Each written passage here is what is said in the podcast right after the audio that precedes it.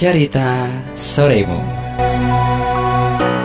Hampir setiap orang di dunia ini pernah mempunyai seorang sahabat Entah pada saat kita masih kecil ataupun sampai sekarang Bagaimana kalau kita ditinggal selama-lamanya oleh sahabat karib kita? Hal inilah yang terjadi pada saat ini dengan diri saya Sahabat karib saya kemarin telah dipanggil Tuhan karena penyakit kanker Hal ini mengingatkan kembali ketika saya ditinggal oleh sahabat saya yang sebelumnya. Sejak usia dua tahun, saya telah ditinggal ayah. Ibu harus bekerja keras untuk bisa membiayai hidup anak-anaknya. Ibu sering melakukan puasa karena tidak cukup makanan di rumah, bahkan kami pun sering tidur dengan perut lapar. Hal inilah yang mendorong saya untuk minggat dari rumah karena ingin meringankan beban ibu. Padahal, waktu itu usia saya enam tahun dengan rasa berat hati dan dengan berlinang air mata, saya berangkat meninggalkan kampung halaman dengan tujuan pergi ke kota besar. Karena saya ingin mencoba mencari nafkah dengan sendiri. Saya berangkat berdua dengan sahabat saya. Berjam-jam kami berjalan kaki seharian tanpa makan. Sedangkan uang tidak kami miliki dan satu-satunya harta yang kami miliki ialah sehelai baju yang melekat di badan kami. Karena sudah tidak tertahankan lagi, saya mengusulkan kepada teman saya untuk mencuri buah-buahan di kebun orang. Tetapi teman saya, walaupun ia anak yatim, ia sangat taat sekali kepada agama. Ia melarang saya untuk mencuri dan ia bilang lebih baik kita mengemis daripada mencuri.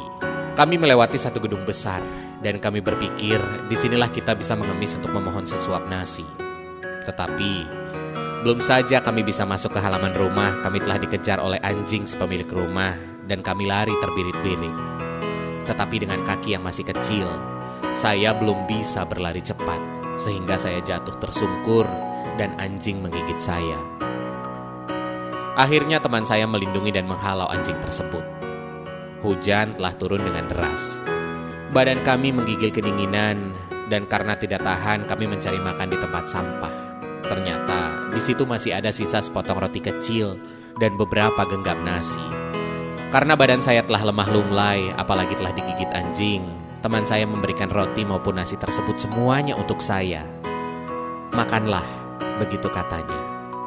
Malam hari itu kami tidur di emperan rumah orang, tepatnya di depan sebuah kelenteng.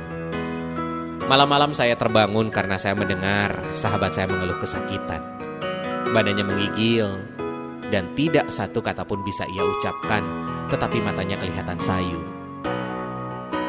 Saya mengetahui ia sakit karena ia lapar dan ia sudah tidak makan sejak dua hari yang lalu.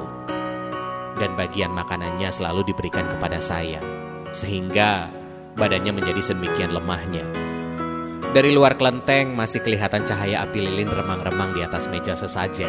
Tanpa pikir panjang, saya memanjat pagar dan pintu kelenteng untuk bisa masuk ke dalam, dan akhirnya saya berhasil mencuri sesajen berupa dua buah potong kue. Saya berlari kepada teman saya cepat-cepat untuk memberikan kepada dia karena saya merasa takut kehilangan dia. Ketika saya tiba, saya berusaha memeluk badannya yang begitu gemetaran dan mencoba menyuapkan kue ke dalam mulutnya. Tetapi rupanya telah terlambat. Ia telah dipanggil yang kuasa. Teman-teman, apakah kamu bisa membayangkan betapa perasaan seorang bocah berusia 6 tahun yang ditinggal mati oleh teman dan sahabat satu-satunya pada saat itu tidak memiliki siapa pun juga.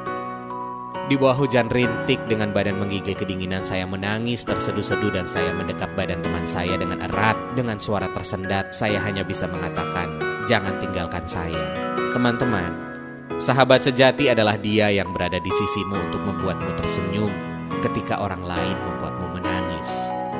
Sahabat sejati selalu memberikan kebebasan padamu untuk menjadi dirimu sendiri, baik atau buruk mereka tetap setia menemanimu. Cerita Soremu